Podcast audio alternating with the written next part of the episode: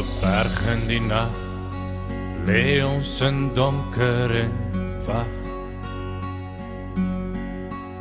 In die modder en bloed lê ek koud, streepsak en reën kleef teen my. En my huis en my plaas tot kole verbrand sodat hulle ons Välkommen kan- till en ny vandring på gamla och nya stigar.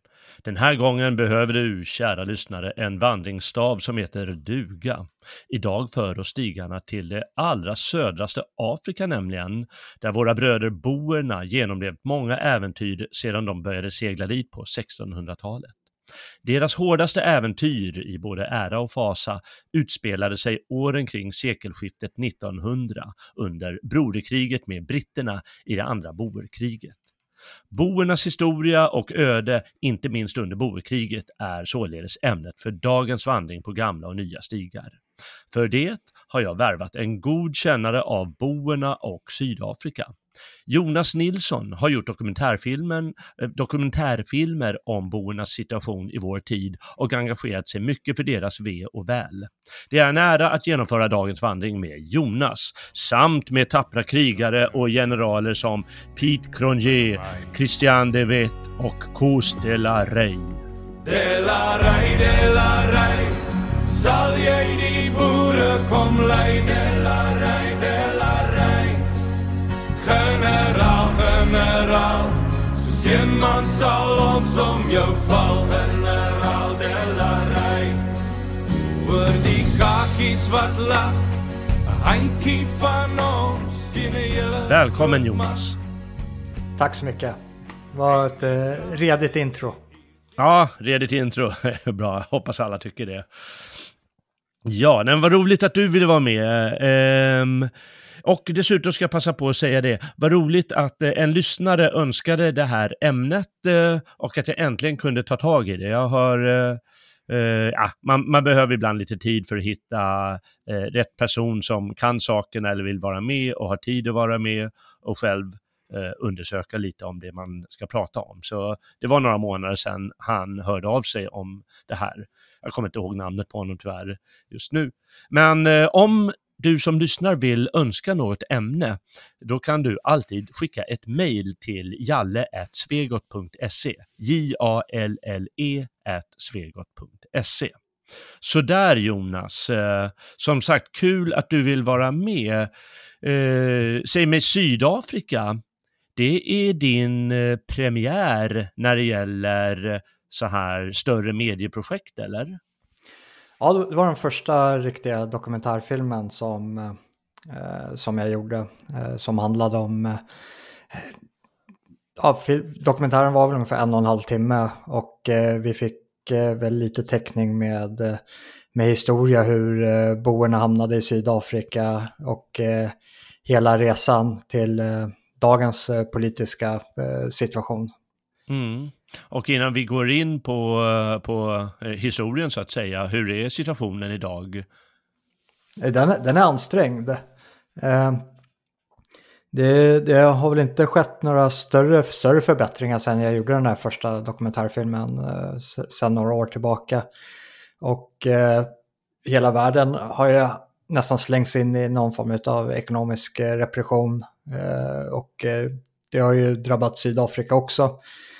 Vilket har eh, föranlett eh, en eh, ganska, ganska stark, starkt missnöje bland stora delar av befolkningen Mm. med, med tillhörande upplopp och inbrott och kravaller. Vi, ju, vi hade ju vår beskärda del av kravaller här för, för en vecka sedan Mm. eh, under påsken i Sverige. Och det är ju eh, någonting som är väldigt ovanligt här att, Eh, det, det, att det är kravaller på det sättet. Att eh, polisbilar attackeras och polis måste eh, uppsöka sjukhus på grund av att eh, demonstranterna är väl för, för snällt att säga, eh, de här ligisterna.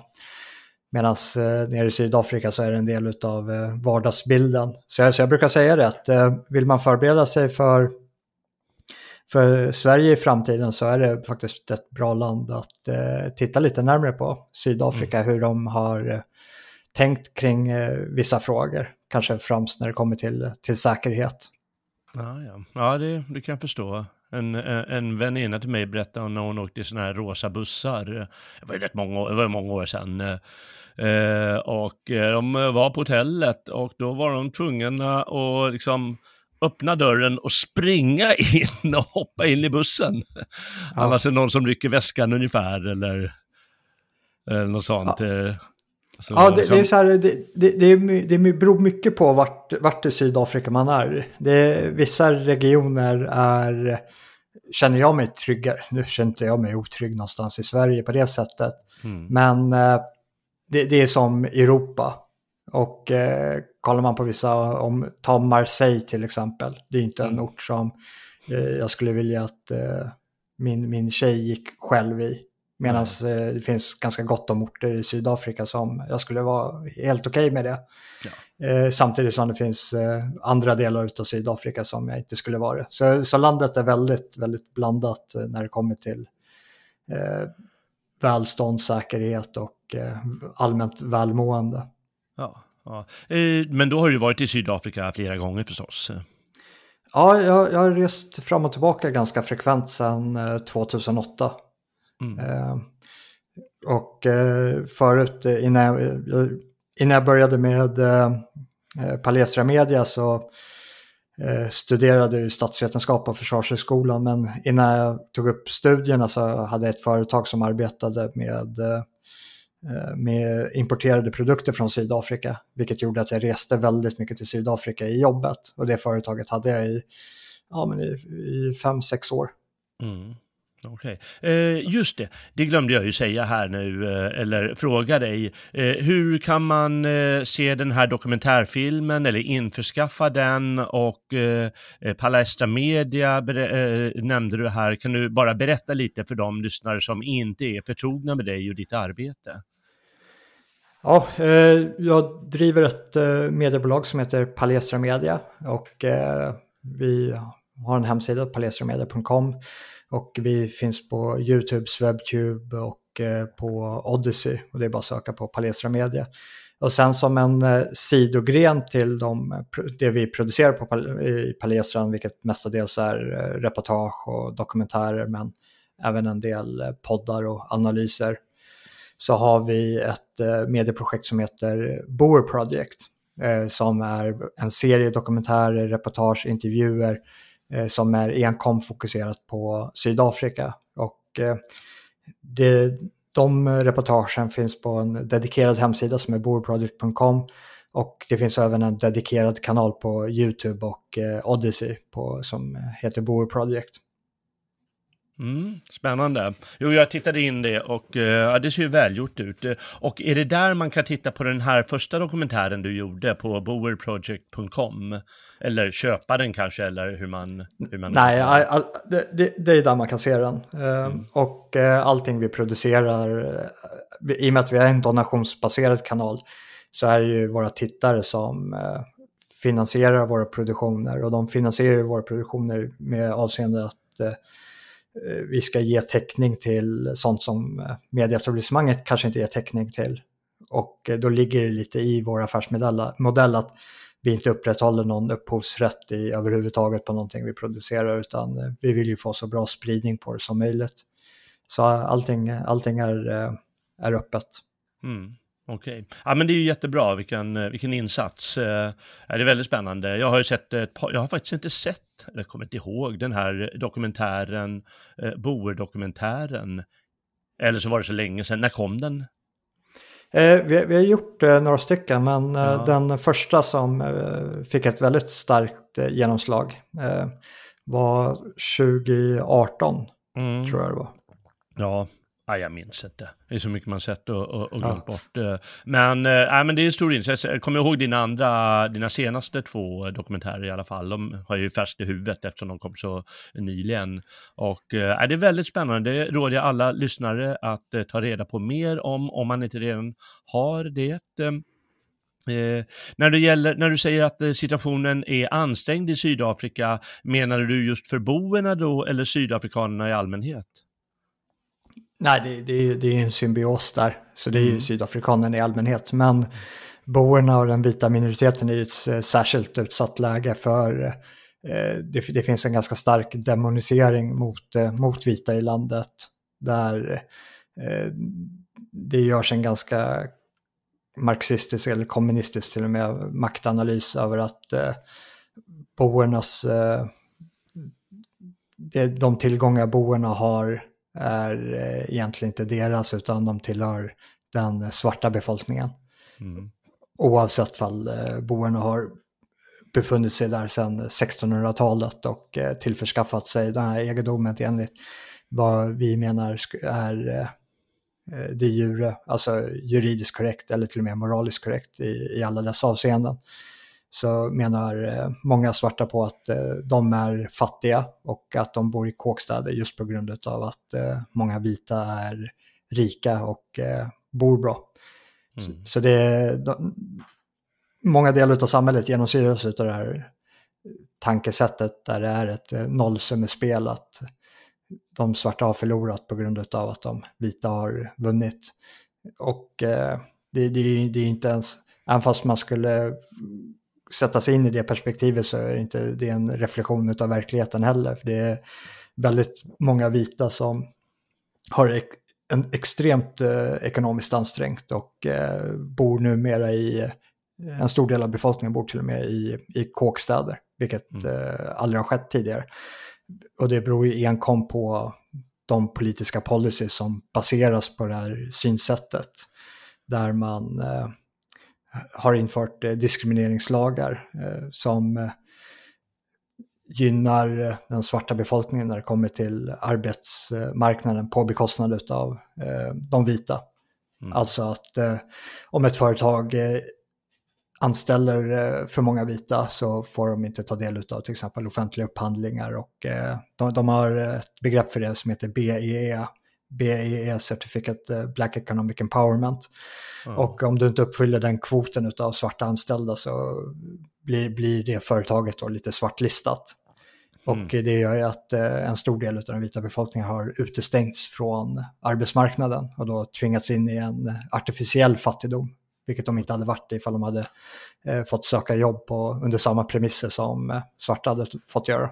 Ja, herregud. Ja, det är ännu ett område man eh, kan blicka på om man vill eh, förstå hur framtiden eh, kan bli i Sverige, hör jag. Mm. För, och det, det är ju viktigt, och, för vi brukar ju oftast prata om minoriteter, men här är ju de facto en majoritet som har infört min, så kallade minoritetsrättigheter mm. gentemot minoriteten. Så, så den vita minoriteten är i ett utsatt läge. Mm. Ja, vi ska inte tala för mycket om det nu, utan eh, det gör man bäst om eh, att kolla in dina dokumentärer till exempel eh, och annat material som kan finnas där. Eh, eh, vi ska titta lite mer på, på de historiska omständigheterna Eh, nu, eller strax. Först vill jag bara fråga, du som varit där, för jag har aldrig varit där nere, hur är klimatet och geografin där nere i Sydafrika? Eh, till skillnad från det politiska klimatet så är det helt, helt underbart. Det, mm. det går inte eh, önska, önska sig ett bättre klimat. Eh, utan tvekan ett eh, väldigt, väldigt charmigt eh, land som har mycket att erbjuda alltifrån eh, kustområdena med, eh, med sin bergskedja som eh, är magiskt vackert och så upp inåt landet eh, med, med savann och en, en eh, djurfauna som är eh, någonting som eh, fortfarande är någonting utöver det vanliga med, mm. med vad de kallar för the big five. De här eh, djuren som vi associerar så mycket med, med Afrika. Mm.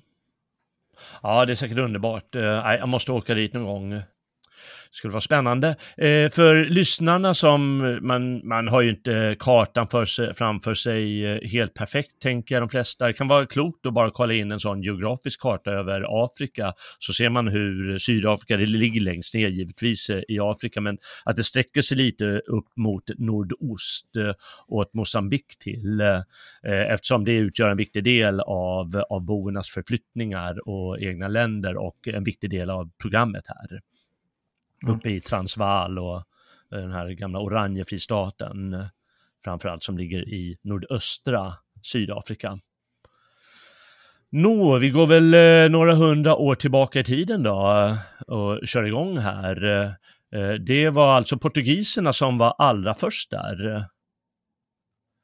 Eh, som jag förstått på 1400-talet, eh, eller möjligtvis allra, allra först var väl eh, olika, framför allt bushmen som man kallar det för, sannfolk. Eh, Eh, och som jag förstått i viss mån, beroende på var i Sydafrika, eh, det som förr kallas hottentotter.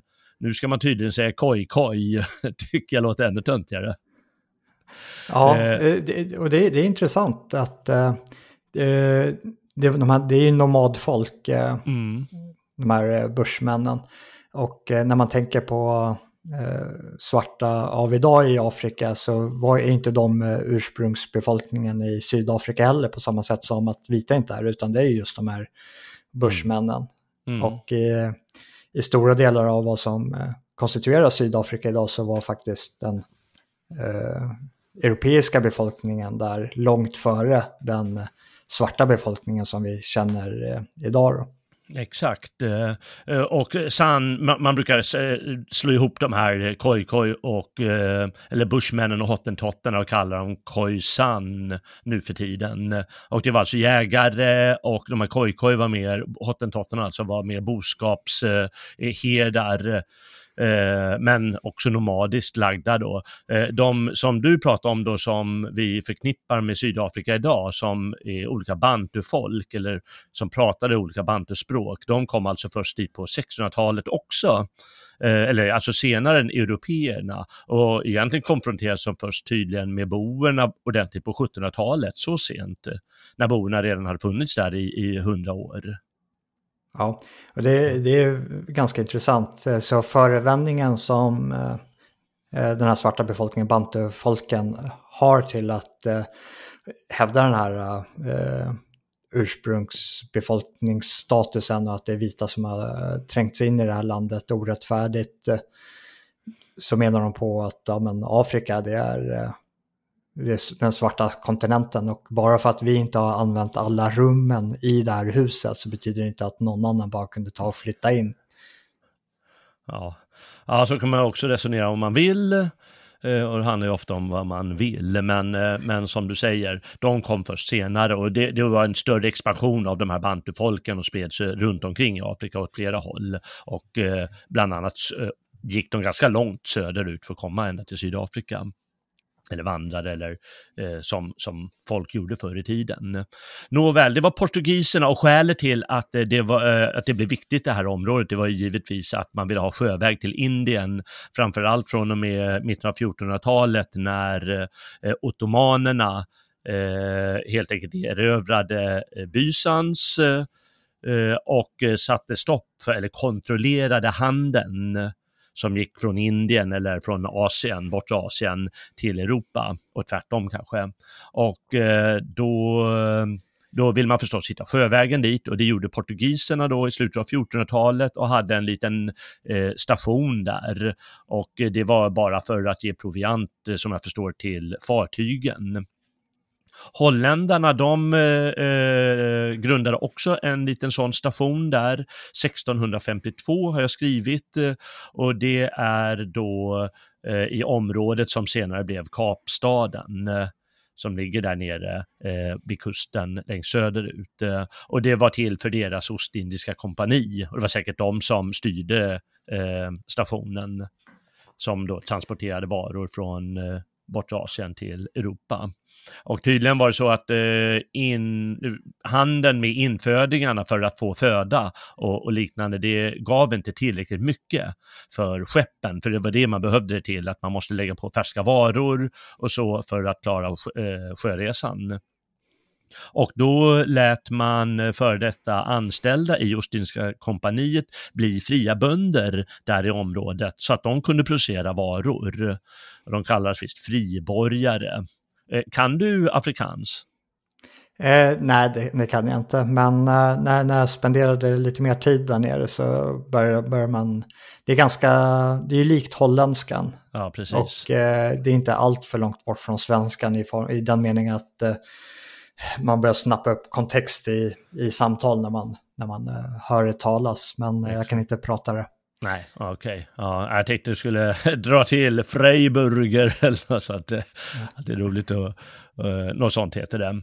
Uh, men i alla fall de här bönderna, och så kom det andra bönder från Europa, holländare i första hand, och men även tyskar och fransoser i viss mån. Uh, Eh, som slog sig ner i Sydafrika för att odla mark. Eh, dels säkert komma bort från sina egna länder där de kunde kanske känna sig eh, lite förtryckta eller något sånt och såg en ny chans här.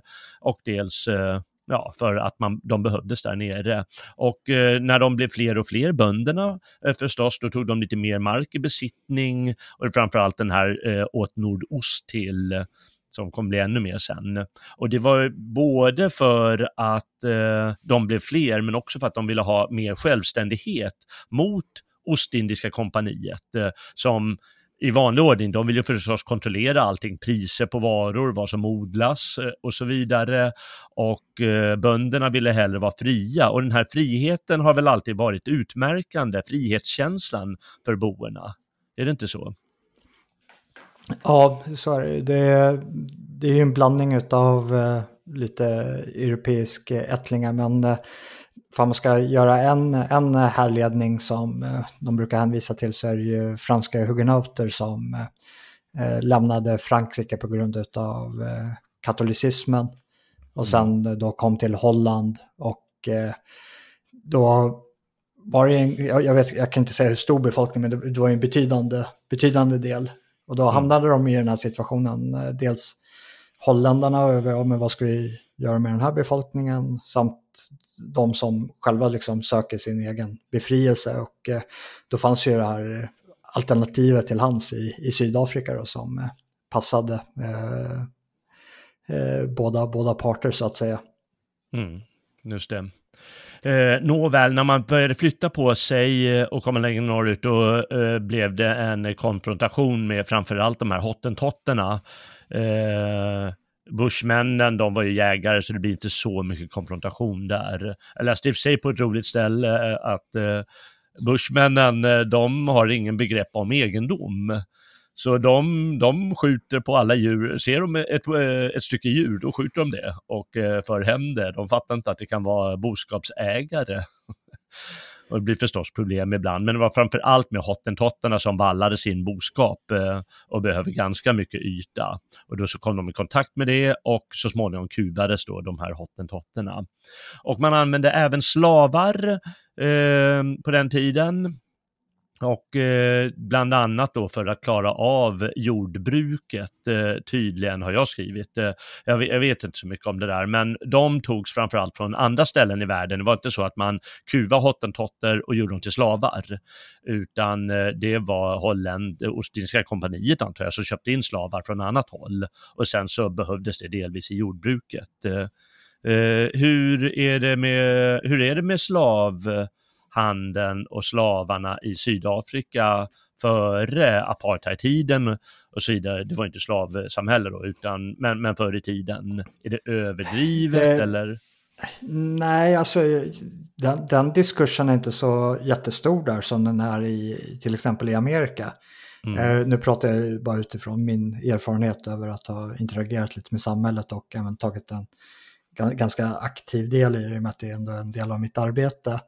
Men eh, jag tror perspektivet är mer att eh, boerna eh, hade i eh, ganska stark missionär inställning till att för, förkristna de här vildarna lite. Och att man också tog sig an att hjälpa dem i många avseenden. Och det, det, kan ha för, för, för, förhållit sig i ett slavlikt eh, eh, perspektiv när de eh, tog in och eh, eh de här eh, hottentottarna eller börsmännen och eh, senare skede även kanske bantufolk till att arbeta med dem på gårdarna. Men eh, boerna själva refererade aldrig till dem som slavar utan som helpers. Ja, just det. Ja. Men det, det, det är en fråga liksom var, var det ena det, det, finns ju en beroendeställning kan man väl kanske säga som gör att, eh, att eh, ifall man vill lägga ett slavperspektiv på det så kanske man kan bygga upp det på något sätt. Men eh, att vara slav innebär ju också att du inte får eh, lämna. Och mm. Eh, den, den uppfattningen var det ju inte att fall... Så, så det rörde sig om kanske... Jag, jag, tror att det är mer korrekt. Och jag tror det beror också på vilken tidsperiod vi pratar om och i vilket skede. Men när det kommer till boen och de här hjälparna så att säga. Mm. Det var inte som i Amerika att fall någon av dem inte ville arbeta med den här boerfamiljen och lämnade att hela orten samlades upp till ett uppbåd för att hitta den här personen som då inom citat har rymt. Mm. Eh, så det, ja, det, det är väl som marxister idag som menar på att anställda är slavar ja, ja så, så kanske. Ja, vad jag läst mig till var just att man inte använde eh, den afrikanska befolkningen som slavar, utan det var någonting man tog, man köpte in eller tog från eh, bortre Asien eller från eh, kanske norra Afrika eller något sånt. Eh, och hade en del slavar där, precis som man förde slavar till Amerika, men det var inte alls i samma omfattning givetvis. Ja, och sen, ja. Eh, det, det, det, kan nog stämma för det, det, det, ligger ju ändå liksom i den tidsandan för vi pratar mm. på 1600-talet och sådär. Mm. Eh, sen så var det ju en stark influens från eh, Storbritannien. Eh, och eh, de var ju väldigt snabba med att eh, på ett moraliskt plan förkasta slaveriet och sen också var de först med att förbjuda det på mm. institutionell nivå. Ja, precis. Och, och, och det, det, är därför jag tror att eh, den slavkulturen liksom fick aldrig riktigt ett fäste i Sydafrika som det kanske hade i många andra delar av eh, världen. Mm. Och för vi nu pratar slavkultur inom vita europeiska samhällen. Så det, det är inte alls den diskursen som eh, finns i USA eh, som mm. är i, i Sydafrika. Nej, just det. Och du nämnde britterna där, att eh, under franska revolutionen och framförallt Napoleonkrigen, då eh, lyckades de ta över den här kapkolonin. Så småningom köpte väl det så när, när krigen la sig och så. Men de ville givetvis kontrollera det framför eh, fransoserna under Napoleonkriget. Så kring 1800 då blev den här kapkolonin, den, den södra delen av dagens Sydafrika, eh, den blev brittisk. Och eh, de eh, lät gamla lagar gälla fortfarande men eh, eh de förde en relativt stark brittifieringspolitik har jag kallat eh, det för, med språk och skola och så vidare och eh, boerna gjorde så småningom lite uppror mot det och framförallt var det fler som började utvandra från det här området och då är just den här riktningen mot nordost, eh, mot dagens eh, Transvaal. Ehm, och eh, du nämnde även det här med slavförbud och britterna de införde ju ett fullt slavförbud eh, mot slaveri 1834. Och tillsammans med liksom annan sån här myndighetsutövning som man hade då från tidigare, eh, då eh, ledde det till eh, det de kallar den stora träcken, det gråte träck. Eh, 1835 till 1840 och det var många boer som just utvandrade från Kapkolonin mot nordost eh, för att få mycket större frihet. Både i fråga att kunna ha slavar om man behöver det på, eh, på sin farm och överhuvudtaget att ha större frihet gentemot staten som kommer med sin eh, besvärliga myndighetsutövning. Och då skapades alltså de här fria republikerna Transvaal eller Sydafrikanska republiken hette den också tydligen, eh, och eh, Orangefristaten framför allt. Mm. Och de ligger alltså i nordöstra eh, syd, av dagens Sydafrika och det är där Johannesburg och Pretoria ligger tror jag. Ja, jag, jag tror faktiskt inte det var någon slavhandel i, i de här fristaterna. Eh, Nej. Det, jag, jag, skulle bli väldigt, väldigt förvånad eh, okay. fall, fall det var det. Jag har aldrig mm. hört talas om det. Nej. Eh, ut, utan det är just det här perspektivet över hur, hur de integrerar den svarta befolkningen i den egna arbetsmarknaden. Ja, och det. då kanske man kan mena på att det är slavlika förhållanden. Mm. Men att, eh, att, det, att det rör sig om slavar och slavhandel, det, ja, jag skulle bli förvånad fall, ja. fall det visade sig vara det. Ja, det får, man, det får man undersöka på egen hand. Men vi verkar att spänningarna mellan den brittiska staten, får vi kalla det för, och eh, boerna, eh, den börjar, bli, börjar jäsa lite grann. Och eh, det blir mer och mer, framförallt, eh, framförallt genom att man hittar diamanter eh, i precis norr om den här kapkolonin. Men britterna var snabba att förvärva det här området så att inte eh, det, boerna skulle göra det. För då skulle de bli liksom mer ekonomiskt självständiga. Och kanske till slut så skulle Kapkolonin hellre tillhöra den här Transvaal till exempel, eh, eller den andra boerstaten, eh, istället för den brittiska, eh, Eh, den brittiska staten. Men det här blev ju eh, givetvis diamantrush, så uppåt 150 000 britter eh, ruschade till Kapkolonin. Eh, bland annat Cecil Rhodes då, eh, han som gav namn till eh, Rhodesia, dagens Botswana, Zimbabwe kanske. Ja, dagens Zimbabwe. Ja, precis eh, menar jag. Eh, och han hade ju i, i, i själv idéer om brittiskt världsherravälde och eh, han kunde tydligen han, inte hantera, men komma överens med boerna på ett bra sätt. Men det var ändå så att han ville att det skulle bli brittiskt, även de här de här nya staterna. Och det var egna stater, de var erkända som egna stater, Transvaal och Oranjefristaten. Ja, så jag tror att det var uppemot ett dussin självständiga republiker. Mm, eh, alla kanske inte var internationellt erkända för att de var de facto så små. Mm. Eh, men eh, det var ju primärt Oranjefristaten och eh, Transvaal ja, som, som också då var internationellt erkända. Just det. Mm. Men, men det, det, det, var en uppsjö med eh, självständiga små, små republiker på den här tiden. Ja. Det var ju det som var lite intressant att eh, de eh, boerna begav sig på den här Fortrekker-vandringen just för att eh, söka sig ett eh, landområde för att erhålla en självständighet. Mm. Och medan britterna, så, så länge det inte bara var torr jord så var britterna ganska ointresserade av att de lämnade för att upprätta det här. Mm. Utan det var ju först när det faktiskt eh, visade sig att ja, men här fanns det också ett starkt ekonomiskt eh, värde som eh, britterna började hitta och leta de här förevändningarna till att annektera de här områdena också.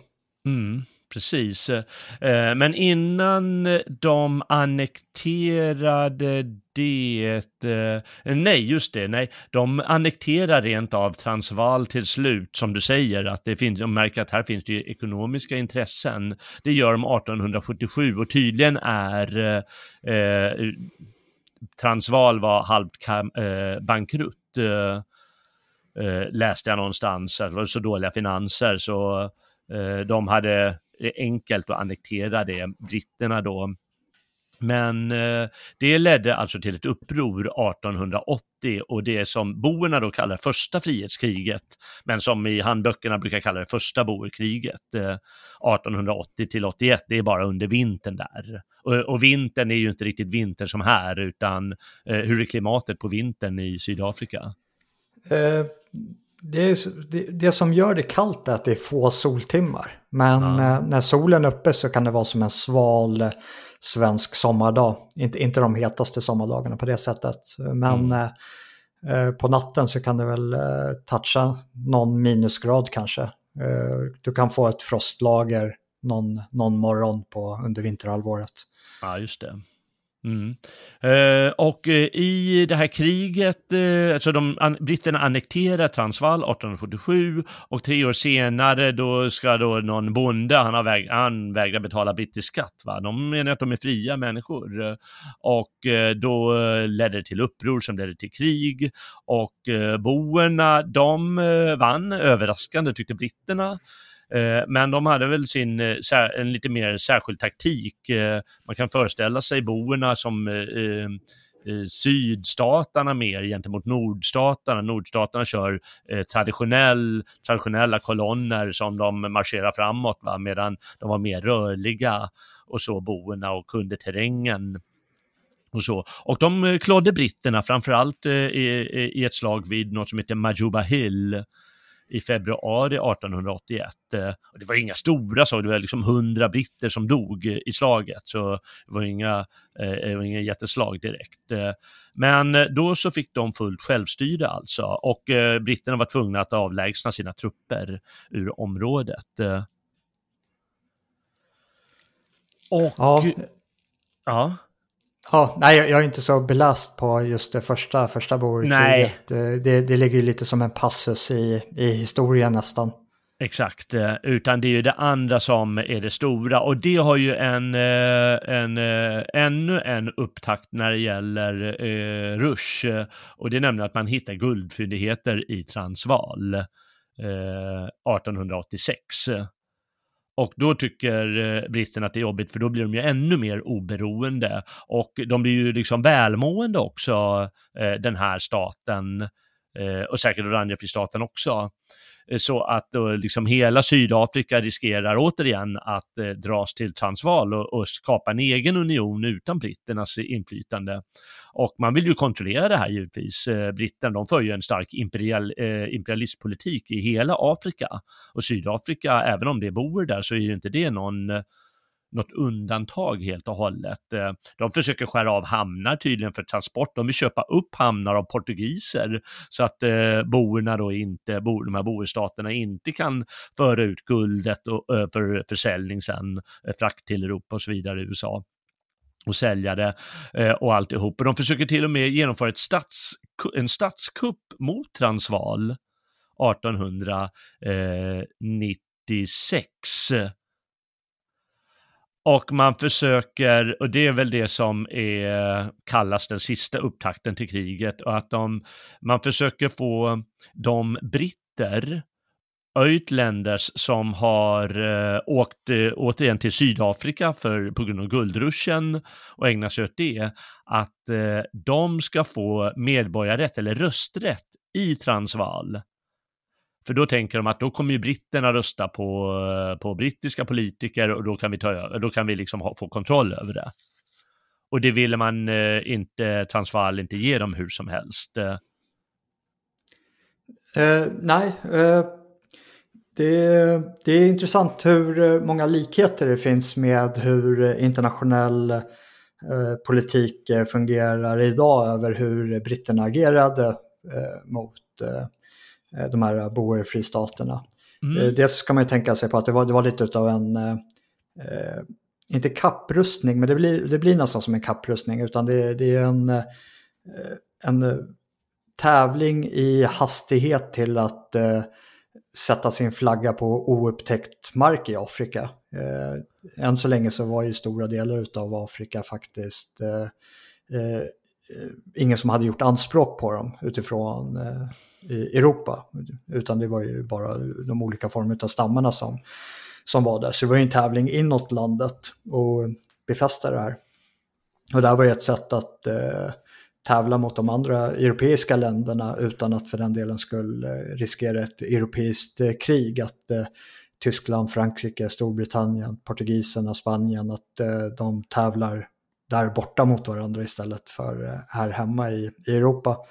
Och eh, det är ju sådana här saker som också var lite, brukar tillskrivas som föranledningar till första världskriget när det spillde över till, till Europa. Mm. Men eh, under den här tiden med, med Cecil Rhodes, han eh, startade ju, för man ska göra den nutida referensen, hur eh, våra makthavare i vissa länder eller utanför det politiska etablissemanget men som influerar det politiska, att de arbetar med NGOs, alltså Non-Governmental mm. Organization. Och det är samma sak här, att du kan inte gå in i ett annat land och göra vad som helst för att du har den brittiska flaggan på axeln. Mm. Och då kan det vara lättare att byta ut den flaggan och sätta dit en eh, annan symbol som representerar kanske ett företag. Och det var ju det britterna gjorde här med Cecil Rhodes. Eh, mm. Så han startade ju på kungens order, eh, British South Africa Company, eh, som begav sig in då i Transvaal eh, under det här företaget. Eh, och ägnade sig åt subversiv verksamhet och försökte förmå att skapa en upprorsstämning bland de eh, brittiska arbetarna som fanns där. Mm. För det var ju där den stora skiljelinjen var, var ju att boerna har lämnat eh, Kapkolonin, komma bort från britterna och eh, söka sig ett, eh, en självständighet. Men vad var det som följde efter? Jo, jo de hittade massa guld där och eh, med guld så behövdes det också, även för boernas del, det finns ju en symbios, de behövde ju arbetare och eh, det finns ju opportunister eh, i, i arbete. Med, med all rätt, jag säger inte det i någon nedlåtande mening, vilket medförde att det var väldigt många brittiska medborgare som eh, då inte hade någon anknytning till boerna själva som begav sig till Transvaal och arbeta. Och eh, för att säkerställa sin självständighet, det här är ju fortfarande på en tid då man faktiskt gjorde en särskillnad mellan folk och folk och man insåg att ja, men nu är det så många britter här så om vi ger dem medborgerliga rättigheter och eh, rösträtt till att välja det politiska ledarskapet i Transvaal, ja, men då kommer inte det här längre vara en boerstat utan då kommer det här bli en vasallstat till det brittiska imperiet eh, mm. bara på grund av eh, befolkningsskiftet. Så då medgav man inte medborgerliga rättigheter till de brittiska arbetarna som kom in till Transvaal. Mm. Och eh, det var det här då som eh, British South Africa Company försökte underblåsa till att eh, skapa en upprorsstämning mm. med subversiva krafter. Och det gjordes till och med vissa, vissa räder utav det här. Mm. Ja, man måste ju förstå att britterna, de var ju, eh, de var ju väldigt fräcka. Eh, jag läste någonstans att eh, när, eh, när Transvaalregeringen kom med olika ultimatum mot britterna, då, då stod det i alla Times och alla andra tidningar att vad tror de att de är för några? Att de skrattar åt det hela. Vi är ju en av de stora britterna och de ska bara, de ska valsa med. Eh, så liksom även på det moraliska planet måste man förstå att här, det är ju en imperialistisk orättfärdig attityd som britterna hade och som dessutom använder de här tjuvtricken som du säger alla NGO redan ja. på den tiden. Eh, det, är det som är lite roligt. Eh, nu kanske vi inte riktigt kommit in i andra boerkriget som är mm. liksom eh, den stora uh crescendot här i, i Sydafrika. Mm. Eh, det är ju det som skapar Sydafrika av, som vi känner det idag utifrån som, som stat. Men det, det var ju hur Sverige betraktade det här kriget också. Mm. Och kollar man på nyhetsrapporteringen så var det ett krig som faktiskt eh, enade vårt land mellan klasserna lite. Och eh, vi hade en svensk vänster som var väldigt anti imperialistisk, i alla fall när det kom till eh, den här formen av imperialism från Storbritannien. Mm. Och eh, vi hade en svensk borgerlighet som eh, var väldigt tyskvänlig. Vår borgerlighet idag är ju mer liksom anglifierad, men på den här tiden så var det ju Tyskland som var vår motsvarighet till vad USA är idag när det kommer till kulturell, social och politisk influens för borgarkastet. Så det blev att det eh, var någonting som förde ihop att eh, det fanns egentligen bara en sida att heja på i Sverige och det var ju på, på boernas sida utav mm. den anledningen. För boerna eh, var närmare, och det, det är också så lite geopolitiska skäl till intresset för Storbritannien att befästa sig som supermakten i Afrika. Det är ju att du hade eh, Namibia var, var östtysk koloni, jag kommer inte ihåg exakt namnet, ifall det bara hette Namibia då också. Mm. Men eh, det tillhörde Tysk, tyskarna. Tyska Östafrika. Ja, just det, tyska Östafrika.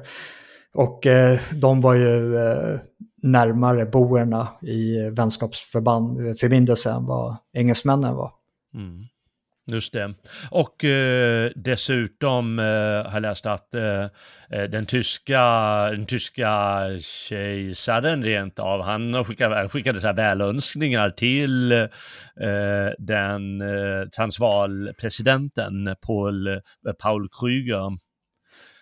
Eh, så det fanns ju givetvis ett spel där från tysk sida att försöka spela ut britterna lite Eh, och, eh, och, och, i Sveriges fall så fanns det faktiskt en, det fanns en skandinavisk eh, kår som var med i kriget. Eh, vi ska nämna det strax, eh, vilka de var.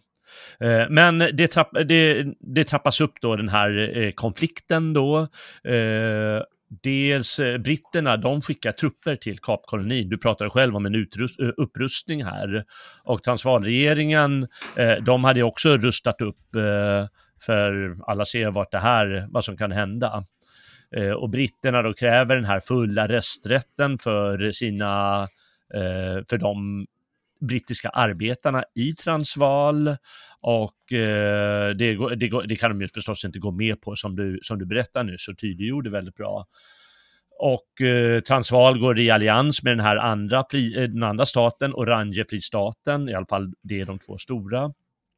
Och eh, eh, till slut så är ju kriget oundvikligt. Eh, och eh, då är det faktiskt boerna som agerar och, eh, och förklarar britterna krig. Eh, och snabbt rycker in för att få initiativet, för alla ser väl att det är oundvikligt. För det har ju ändå som sagt hänt tidigare att britterna bara gått in och annekterat området. Och då är kriget igång 1899. 11 oktober kommer deklarationen om krig. Ja. Och eh, jag tror att det i princip var samma dag som deklarationen kom så upprättades nästan den här skandinaviska frikåren. Mm. Eh, och eh, då kanske man undrar sig om hur, hur snabbt kunde vi skicka ner folk härifrån som var villiga att slåss på boernas sida. Och det, det var ju av samma anledning som det fanns många, många brittiska medborgare som hade sökt sig till de här områdena för att arbeta med, eh, med gruvorna så var det ju även många skandinaver som hade sökt sig dit. Mm. Och till skillnad från britterna så hade vi då, av samma anledning som vi skandinaver här hemma i Sverige sympatiserade med boerna så gällde ju det även eh, skandinaverna som eh, var på plats. Då. Mm. Så det var sjömän och eh, gruvarbetare primärt då, som upprättade den skandinaviska frikåren med representation från Sverige, Norge, Danmark och Finland. Just det. Ja, eh, det kan man, eh, det kan man faktiskt enkelt, kan man gå in på Wikipedia och läsa väldigt kort om och det heter Skandinaviska kåren tror jag. Om man skriver det i sökfältet så får man upp det. Annars får man väl kolla på boerkriget eller något sånt och så kommer det upp förr eller senare i texten. Det, eh, det är väldigt eh, intressant. De, de, de, slog, de, eh, var med i några slag men de blev utplånade under krigets första år mm. i ett slag vid, slaget vid Machersfontein. Och Precis. där är det då minnesmonument för slaget i sin helhet, både för britterna och boerna. Mm. Och minnesmonumentet över skandinaviska frikåren är Eh, fyra runstenar med valkyrier på för, som representerar varje skandinaviskt land. Då, med, eh, och på skölden så står eh, namnen då inristade för de som, som har stupat. Då. Just det. Ja, det låter väldigt vackert. Du har förstås varit där förstår jag. Ja, det, det, jag, jag har ju, man har ju många bollar i luften och eh, för varje projekt som jag faktiskt genomför från ax till limpa och kan presentera ett färdigt resultat så ligger det tio eh, icke färdigställda projekt. Mm. Och ett av dem är en eh, dokumentär just om, eh, om Boerkriget som jag började med för, vad kan det vara, kanske fyra år sedan till och med. Som jag mm. varit och mm. filmat och in, intervjuat lite militärhistoriska professorer och filmat på plats där vid slagfältet. Men eh, får, se, får se när jag kan eh, färdigställa den. Men det är på att göra listan i alla fall. Ja, det låter väldigt spännande. då, då, ja, då ska du få vara med igen. ja, eh, och eh, sen, sen eh, förutom de här fyra runstenarna, eller det är fem runstenar och det är en stor runsten i mitten av de här sköldmöarna också, så är det två minnesmonument där de facto den skandinaviska frikåren eh, föll på slagfältet. Mm. Så de här minnesrunstenarna är inte exakt på eh, där skandinaviska frikåren föll, utan de är på en höjd som boerna försvarade. Mm. Och eh, där är det två keltekors där det står, eh, får se om jag citerar rätt, eh, det kunde icke vika, eh, blott falla kunde det. Mm. På, på svenska är det mm. inristat, mm. vilket också är lite, lite kul. Ja, ja verkligen. Nej, det är verkligen spännande. Det är ju en eh, obligatorisk eh, eh, utflykt om man uh, åker på semester till Sydafrika, tycker ja. jag. Jag, jag. jag, visste inte om jag skulle säga det, du sa ju att du var sugen på att åka ner och uh, ingenting är bestämt än, utan det här ligger också bara på lite planeringsstadiet. Att, uh, under, under parollen med, med Boer Project så funderar vi faktiskt på ifall vi ska anordna en liten gruppresa ner till Sydafrika där man blir Eh, curlad runt till, eh, till sådana här små smultronställen och eh, besöker även en del andra intressanta hållplatser av historiskt och politiskt intresse. Otroligt spännande låter det. Ja, vi får hoppas att det blir av och eh, att allt går, går att genomföra. Eh, vi kan ju säga också att eh, då just där i det här slaget vid Fontaine som du eh, talar om, eh, det är ju då första delen av kriget, de första månaderna där under hösten eh, 1899. Och då är det boerna som har initiativet. De var, liksom, använde rörlig, eh, som vi sa, eh, eh rörlig taktik. De eh, Eh, var duktiga på, de, de, de utvecklade det här med, eh, vad heter det, skyttegravskrig. Att eh, de hade grävt gravar så att eh, inte hela kroppen är ovanför jorden och då är det liksom inte så lätt att träffa dem eller utsätts man inte lika kraftigt för artilleriet eh, från motståndarsidan. Och eh, då segrade de på, på alla fronter i början i november och december. Och framför allt då det här slaget som du sa vid Machefontaine. Och då utmärkte, utmärkte de sig så väl eh, de här skandinaverna, eller den här skandinaviska frikåren, att eh, över, jag vet inte om han var övergeneral, Pete Cronier, men han var en av generalerna i alla fall. Han, han ska ha då ha sagt att näst Gud har eh, boerrepublikerna, skandinaviska kåren att tacka för segern. Och det var ju stora ord. Ja, det är, det är väldigt eh, stora ord. Ja. Och eh, vilket kanske förklarar det, det, de väldigt fina minnesmonumenten som eh, fortfarande är väldigt väl omhändertagna där i Sydafrika för mm. skandinaviska frikåren. Mm. Och du sa att det var många som, eh, som stupade där. Jag har skrivit upp 44 eh, av dem. Det var bara 250 boer som stupade och 44 av dem var just skandinaver. Eh, de hade väl oturen att stå på fel plats eh, har jag förstått under slaget. Eh, och de åkte ut för den eh, värsta artillerielden och, och så vidare. Men ja. tappra var de tydligen. Ja, de, de var på en framskjuten post och Eh, tack vare att de faktiskt eh, höll ståndet där gjorde att eh, eh boerarméerna då, kunde göra en eh, eh taktisk eh, reträtt och sen även en, liksom en strategisk eh, förflyttning. Mm. Eh, varpå, eh,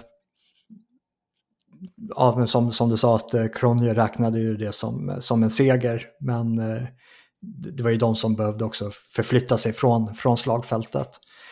Och eh, likt eh, alla framgångsrika krig så gäller det ju att eh, slåss med, eh, med sin styrka mot eh, fiendens svaghet.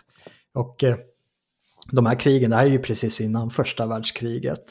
Och eh, det eh, finns en gammal tradition över hur, hur man slogs på, på 1800-talet som fortfarande lever kvar. De som kanske har rötter tillbaka till och med till 1700-talet och 1600-talet. Mm. Då man eh, marscherar fram på, på fältet och lägger an och eh, skjuter på sin, sin motståndare.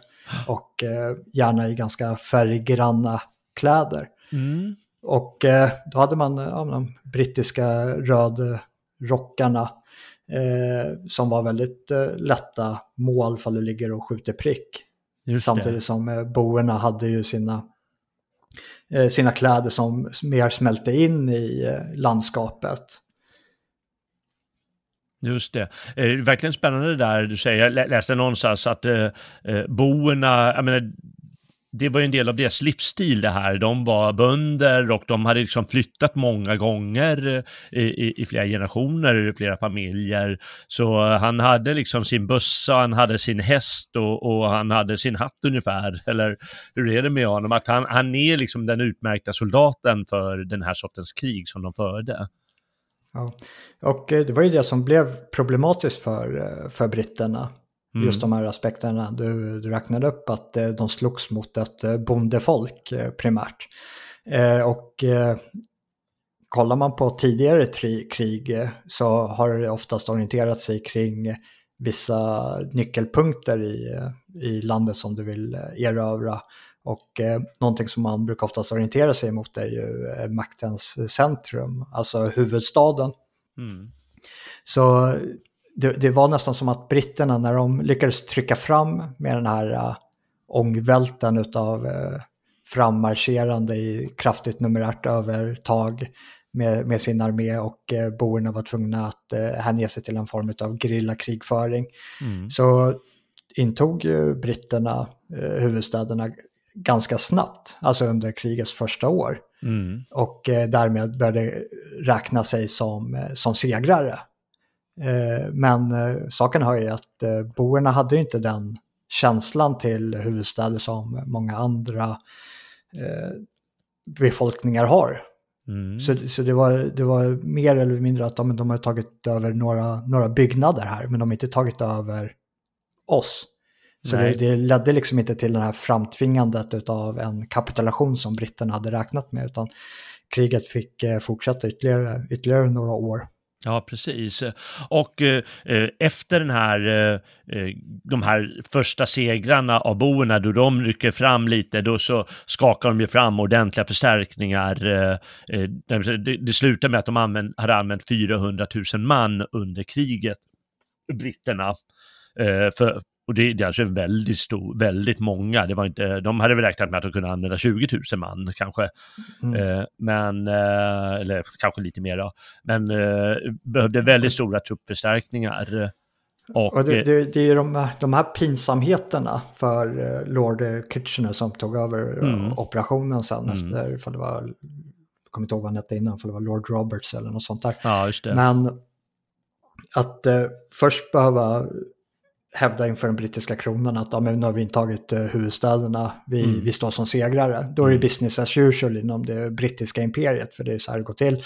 Mm. Man slåss lite mot uh, befolkningen, du sätter dem på plats och du intar huvudstäderna och uh, upprättar din ordning. Men det lyckades ju inte här. Nej, precis. Samtidigt som gerillakrigföringen fortsatte ganska obestört. Det var svårt för britterna att kuva boerna i det här avseendet. Mm. Så då när, och Sydafrika är ett väldigt vidsträckt land. Kollar du på kartan så blir du lite lurad över hur, eh, eh ja.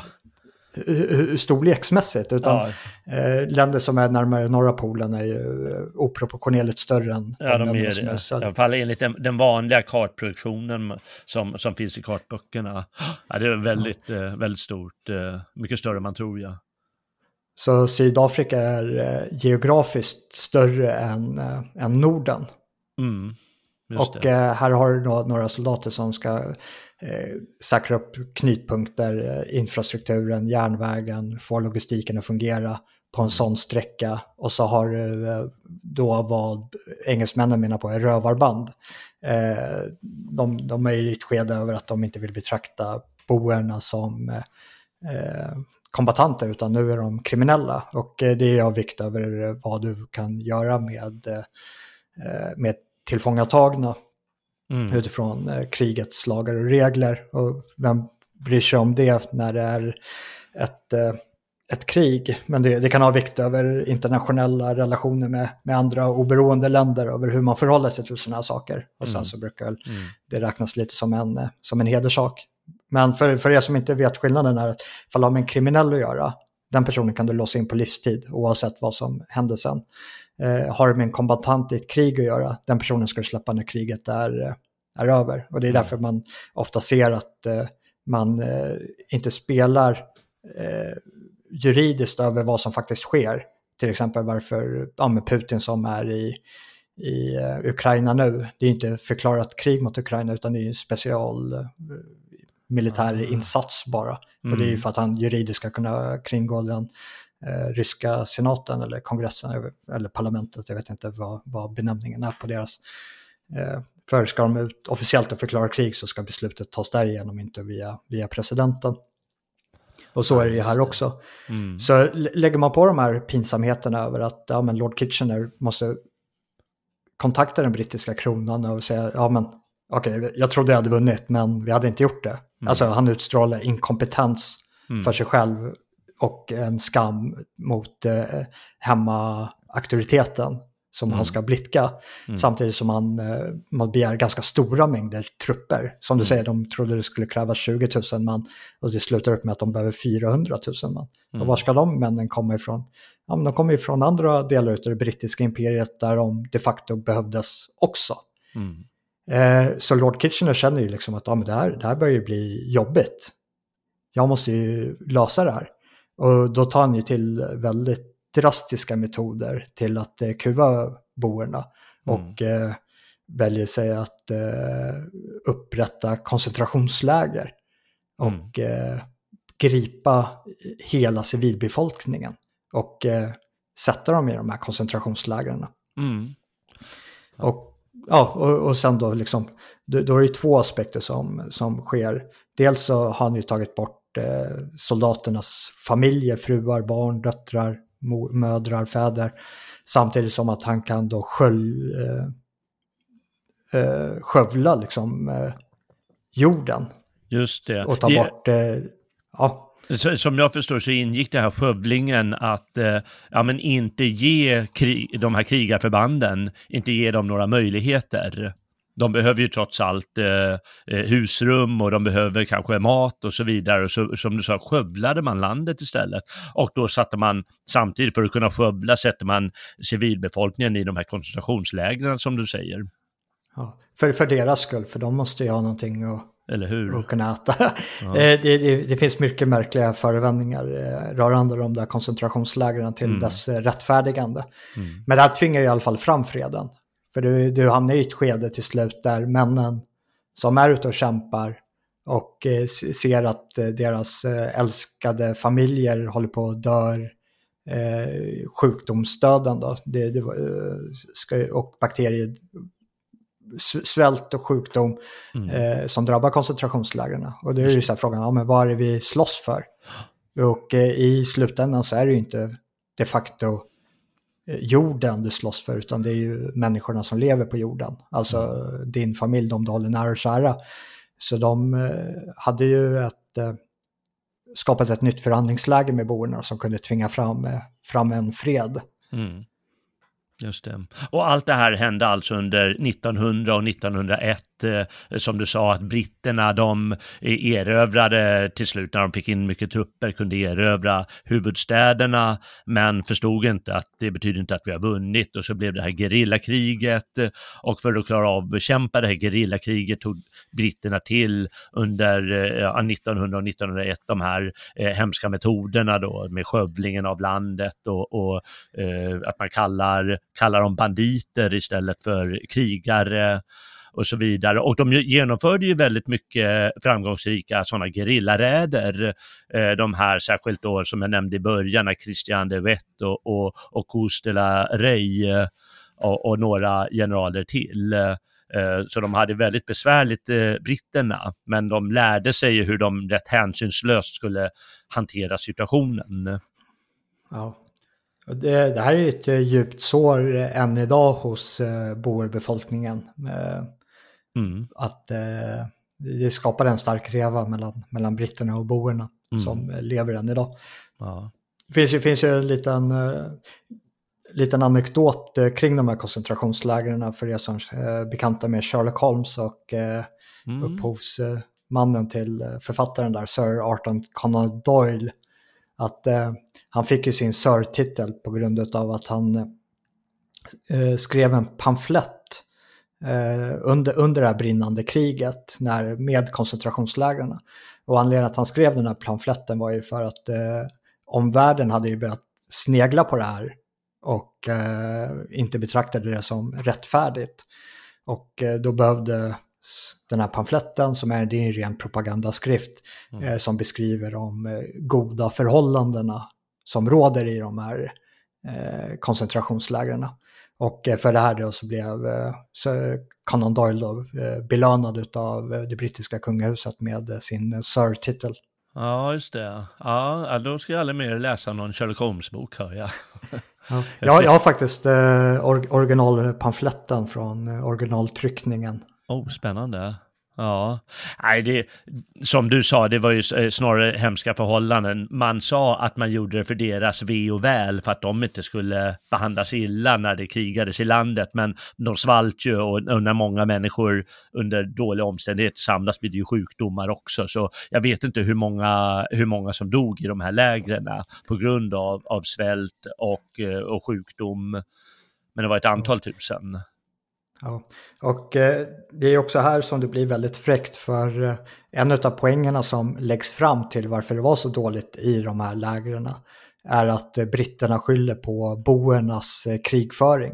Mm. I och med att de attackerade infrastruktur, logistiklinjer och, så, och med, med mera. Mm. Och det blir ju att ja, men britterna de måste ju prioritera att sina soldater ska ha mat framför deras fångar ska ha mat. Mm. Ja. ja, Ja, är de, eh, jag vet inte om de har skämts eh, om det. Är det på grund av då att de insåg att eh, de har genomfört eh, ett ganska bestialiskt krig, britterna, eller ett bestialiskt sätt att föra krig som de gav ganska frikostiga fredsvillkor eh, när, gerill, eh, när eh, eh de boerska gerillakrigarna slutligen la ner vapen. Framförallt fick de ju allmän amnesti har jag förstått. Eh, Ja, men det, allmänna amnesti hör egentligen till att man faktiskt erkänner att det, att det rådde ett krig och att det inte rörde kriminella element. Ja, just det. Eh, så, så det, det, har ju med juridiken att göra. Mm. Eh, och eh, de övriga frikostiga förhandlingslägena som man ingår där, det, det, det förhandlar inte bara för att vinna där och då, att få boerna att ge sig, släppa ut eh, kvinnorna och barnen från de här koncentrationslägren och sen kunna se sig själv som segrare, utan du vill ju att det ska, även ska vara kuvat i, i framtiden. Mm. Och eh, vill du inte fortsätta slåss om ett år eller två år eller fem år när, eh, när de har slickat såren och hunnit omgruppera sig, men då måste man ändå lägga lite på bordet som gör att en tillräckligt stor del av eh, boerbefolkningen känner sig ändå tillfreds och vill leva i, i fred. Och det, och det, det, var ju det som var största, största får man nu tillskriva liksom lite mainstream-historia, det var som var största misstaget då med Marseille-freden då. Ja, just det. Att, eh, Den var för hård. Ja, precis. Man, man tänkte mer på att eh, vad har det här kostat eh, våra segerländer och eh, mm. vem var orsaken till det då? Och så tillskrev man det tyskarna om. Det, då är det inte mer rätt än att de betalar för allt. Nej, Men, precis. Ja, då kanske man får slåss, slåss igen efter att de ja, har slickat, så är det krig lite. några år senare bara, självklart. Mm. Men de här områdena, Transvaal och eh, Oranjefristaten, de fick alltså eh, relativt stort eh, självstyre. Och som jag förstått så fick de, eh, hade de rätten att eh, odla sin egen kultur och, och, och behålla språket på de flesta områdena. Eh, och de fick till och med ekonomiskt stöd för uppbyggnad av landet. Eh, eh, för det behövdes ju byggas upp när de hade skövlat så mycket britterna. Och mm. förstås att boer, boernas gerillaräder, som du sa, de förstörde ju också eh, många i, mycket infrastrukturen och så vidare. Och det här förhandlades fram då under fredsfördraget, har skrivit 31 maj, eh, måste det vara 1902 då, i Föreniging, var det nu ligger, det vet jag inte. Ja, och så, eh, så tog det kriget slut, men, men du sa att eh, det var ett sår som levde kvar väldigt länge eh, och, och än idag hos, hos boerna och deras syn på, på britterna.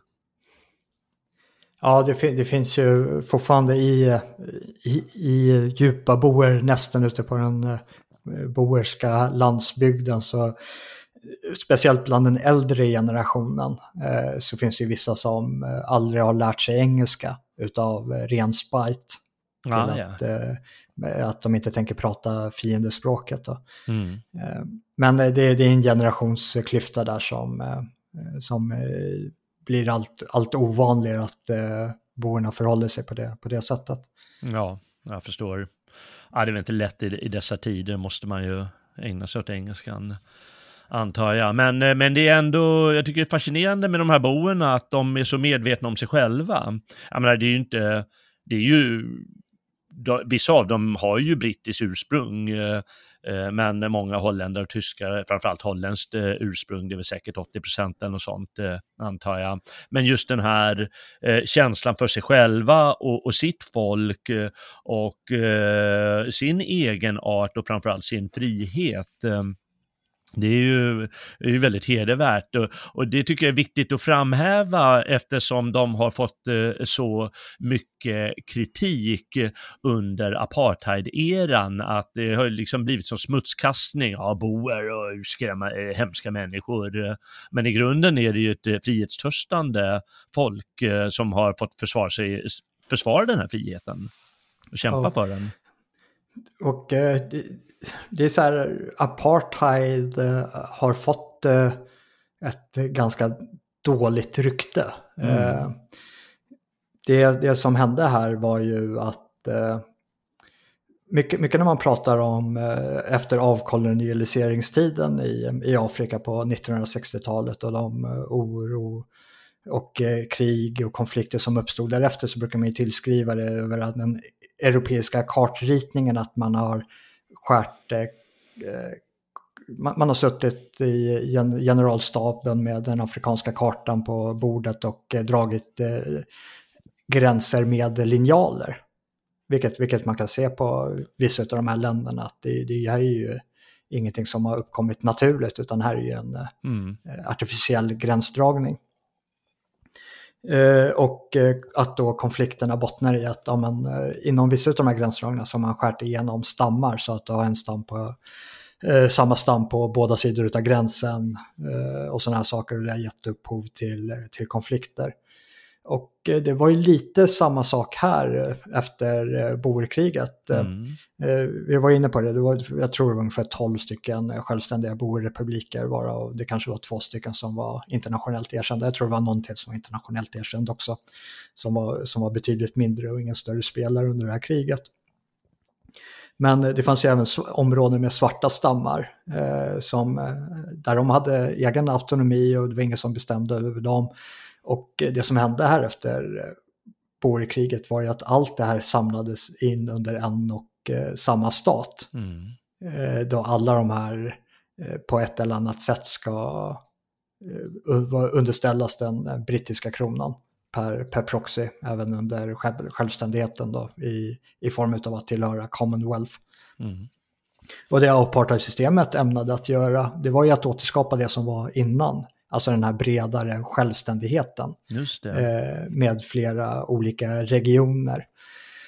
Och eh, det var ju faktiskt det som gav upphov till att eh, de här svarta bantustammarna fick eh, egna autonoma hemländer där apartheidregimen eh, inte var beslutsfattare utan det var de själva som var beslutsfattare. Mm. Så i det avseendet så var det ett väldigt eh, sympatiskt eh, Eh, system. Och det som är intressant efter apartheidregeringen, när, när den föll, så var det ju eh, även en del svarta stammar som motsatte sig det nya styret just på grund av att ja, vi kommer förlora vår självständighet och vår eh, autonomi och mm. eh, tas med i den här gemenskapen. Eh, och det löstes ju med eh, li, lite mellanlägen över att de eh, svarta stammarna, det är, det är primärt två stycken som eh, eh brukar eh, konkurrera om eh, vem det är som ska dominera eh, det politiska landskapet. Och det är ju Kåsa-stammen och Zulu-stammen. Mm. Jakob Zuma är ju Zulu och mm. det var ju upphovet till det här inbördeskrigsliknande Eh, tillståndet som var i, i somras. Och det var ju att mm. eh, staten eh, gav sig på Summa för korruptionsanklagelser varpå Zulestammen gick, gick hejvok. Men de har ju fortfarande kvar de här hemländerna, alltså stora ytor som är, ja men, som får Uppland, regionen Uppland i, i Sverige att vara som en liten bakgård. Så det är, det är inga små, små landområden som de här stammarna själva förfogar över. Mm. Och eh, i de här områdena, är, tillhör inte Zulestammen, ja, men då får inte du äga mark där. Du, får inte, alltså du, du, du har inte de medborgerliga rättigheterna som du förväntar dig att du har i ett land. Så det är särregler som gäller där. Eh, med egna rättssystem till och med. Eh, nu, de rättssystemen står inte över sydafrikansk lag, men eh, de, de har rätt att ge juridiska utfall på tvister som sker i, i de här hemländerna. Och, eh, så, så de har ändå bevarat det systemet samtidigt som de inte har gjort det. Och mm. mycket är ju ren korruption för att kunna berika sig själva. Och det är egentligen bara en grupp i Sydafrika som står utanför där och inte blir erkända som det. Och det är ju boerna. Ja, just det. Som, ja. inte, som inte får ta del av ett eh, hemland och eh, eh, speciella särrättigheter. Och det har man ju löst på eh, med privata initiativ och eh, köpt sig till sig mark. Eh, däribland eh, är väl det mest framstående exemplet är väl Orania. Mm. Som är en, eh, så nära man kan komma en självständig boerstad. Just det. Det är väldigt bra att du förtydligar det här för det blir ju, det är väldigt mycket fördomar givetvis som råder och förhastade slutsatser och tankar och omdömen om, eh, om Sydafrika under 1900-talet. Eh, ja, som... speciellt för det finns, finns en aspekt till det som i propagandan så brukar det vara så här att ja, men svarta de behövde pass när de begav sig in i vita områden. Mm -hmm. Ja, de behövde pass för att de de facto hade ett eget eh, hemland. Mm, just det. Ja. Alltså det, det, det, som dessutom var kraftigt subventionerat av eh, eh, den vita regeringen i Sydafrika som fick mängder med pengar. Mm. Eh, som byggde upp deras sjukvård och eh, universitet och allt därtill. Just det. Och, eh, det är en sak också som man missar att under det här boerkriget så var befolkningen Eh, nu kommer jag inte ihåg exakta siffrorna, men jag kommer ihåg ration ungefär. Mm. Eh, och eh, det var inte 1-1, alltså att eh, vita var lika många som svarta. Det var, det var fortfarande några fler svarta, men det, det rörde sig eh, marginellt fler. Och under 1900-talet så gick det från att det var ungefär lika många vita som svarta i Sydafrika till vad det är idag. Idag så är det kanske 2 3 miljoner vita Mm. Och det är 60 miljoner svarta. Ja, och den här explosionsartade eh, demografiökningen skedde ju under apartheidtiden. Som nu då skulle ha varit så fruktansvärt hemskt mot svarta. Mm. Och då är det inte bara eh, inhemsk eh, födsel att eh, de har haft eh, möjlighet att eh, skaffa stora familjer på grund av eh, det subventionerade systemet som kom från apartheidregeringen, utan det var ju faktiskt var så välställt i landet så svarta i övriga Afrika vallfärdade till, till eh, apartheidstaten för att eh, söka sig ett bättre liv än från mm. det mörka Afrika. Mm. Ja, verkligen. Nej, det, det, är som sagt väldigt bra. Man, det, det, är en alltför ensidig bild som har dominerat eh, av det här. Eh, man behöver inte eh, gilla alla aspekter av eh, eh Sydafrikas apartheidsystem, men det har ju som du säger uppenbara eh, bra delar. Och jag, nu när jag läst om det här, har ju sett det är ju britterna som, det var ju de som underkuvade både Xhosa-folket och Zulu-folket eh, i krig. Det är ju inte boerna som gjorde det. De hade ju förstås lite skärmytslingar och så eh, när de slog sig ner och, och, ibland så råkade de ut för det. Men det var britterna som gjorde det i första hand. Det får man inte ja. heller glömma. Nej, det, det, finns en liten villfarelse där över hur boerna tillförskaffar sig de här enorma landytorna. Mm. Och det, det skedde primärt på, på tre sätt. Eh, det första är ju det här klassiska sättet som folk har erhållit land genom alla tider och det är att man tar landet och är det någon som motsätter sig, ja, då slåss man med dem. Det förekom också. Mm. Eh, men det förekom också att de satt ner och förhandlade med eh, svarta stammar och köpte stora landytor. Och sen eh, det tredje var att eh, de eh, tog tillvara på oupptäckt land eller land som var obeboeligt för de svarta stammarna för att de svarta stammarna saknade teknologin för att mm. bosätta sig där, för att det var för torrt. Mm. Alltså man behövde teknologin av att kunna borra efter vatten. Annars var hela landet obeboeligt. Så det är primärt de tre sätten som eh, eh, de vita har eh, eh, tillförskaffat sig land i, eller vita som boerna tillförskaffat sig land i Sydafrika. Mm, just det. Och det är alltså de här nordöstra, nordöstra delarna av dagens Sydafrika du talar om? Tänker jag. Mm, just det. Ja, verkligen ännu, ännu en aspekt av det hela Eh, måste, man, eh, måste man konstatera. Nej, det, det, jag tycker att det är väldigt viktigt att eh, varje gång man kan eh, eh, ha möjlighet att tala och förmedla just eh, den här klart nyanserade bilden, det är en vinst för, för alla inblandade. För jag tycker det är hemskt med den här eh, fördomsfullheten. Eh, du sa ju det här med ryssar nyss och Ryssland är ju i, i, i flera bemärkelser eh, sättet de kallar en specialoperation som du sa nyss. Är ju liksom lite närmast skurkaktigt. Men samtidigt har, har ju varit den här tendensen i två månader att varje ryss ska ska ha tomater i huvudet bara för att han råkar vara ryss. Och det är återigen den här fördomsfullheten som är liksom väldigt aggressiv här i, i Europa och, USA. Det är besvärande tycker jag. Ja, nej men, nej men så är det. Det är den kollektiva människan. Eh, när den hänger sig till ett grupptänk som är destruktivt så kan det gå illa väldigt snabbt. Mm. Och eh, desto mer impulsivt folk man har att göra med, desto farligare och mer spontant sker ju de här formerna av hemskheter. Mm. Ja, du har rätt. Eh, ja, Ska vi, eh, ska vi försöka sammanfatta det här på något sätt eh, eller säga några slutord? Har du någonting eh, du vill, du vill tillägga? Eller? Ja, jag, jag kan väl säga att en, en av de största problemen, och jag säger problem bara i bred bemärkelse, jag lägger ingen värdering i vad som är rätt eller, eller fel här, utan det är bara en betraktelse. Mm. Och det är ju att boerna har ju, även under apartheidtiden, med de här hemländerna och de stora subventionerna till, till de eh, svarta hemländerna, där eh, det var den vita medelklassen som eh, bekostade mycket av den infrastruktur som byggdes upp i, i de svarta hemländerna, är att under hela Sydafrikas historia så har boerna nästan haft en mental storebrorsinställning till de här svarta stammarna, till att det är några eh, som eh, vi måste ta hand om, eh, att, eh, att de nästan har omyndigförklarat dem lite och tagit sig an att ta hand om dem eh, på, på gott och ont.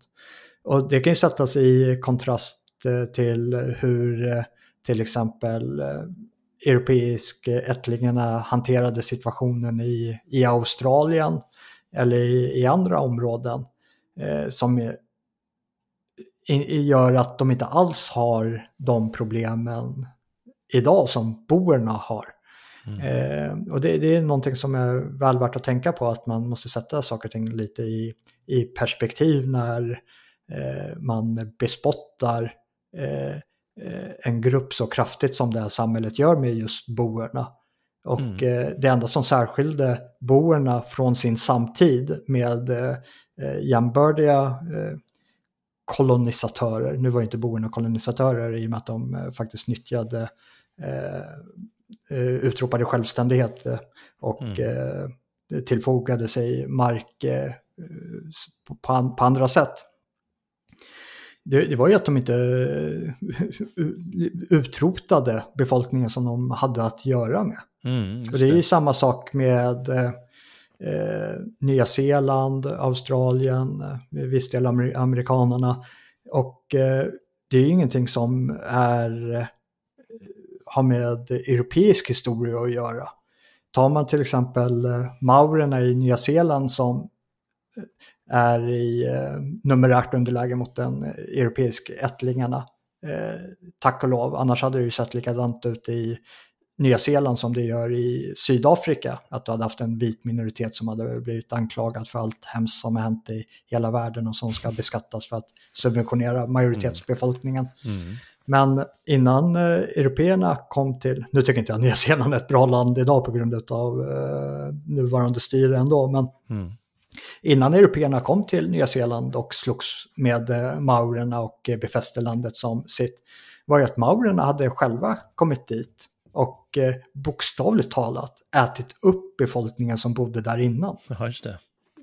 Så det, det, är alltså ett riktigt folkmord. Det finns inte en tillstymmelse av spår av de människor som bodde på den här ön innan maurerna kom dit. Mm. för att maurerna utrotade dem. Ja, och nu så sitter de och eh, hävdar någon form av historiskt förtryck mot sig själva eh, gentemot de vita och ska tillfördelas massa fördelar på bekostnad av den vita majoritetsbefolkningen. Ja. Eh, det, det, är osmakligt. Ja, det är det verkligen. Nej, det är väldigt bra att du säger de här sakerna. Vi eh, kanske kan återkomma om, eh, om sånt i, i något kommande program. Eh, vem vet vad som händer? Men är det väldigt bra, väldigt bra, väldigt bra att du kunde vara med och, och berätta allt det här. Jag har ingen bra insyn över Sydafrikas, Sydafrikas historia, så det var till väldigt stor hjälp. Och Eh, kan du återigen bara säga var kan man, eh, var kan man hitta mer om, eh, om det du gör, sa du bara för den som är, är nyfiken efter att ha hört nu på programmet? Ja, nej men, halka in på bourproject.com och eh, palesramedia.com. Mm. Eh, skriv upp er på vårt eh, nyhetsbrev eh, så kommer ni få ta del av eh, mer information fall, fall jag nu förverkligar den här eh, Boer Project-resan i Sydafrika.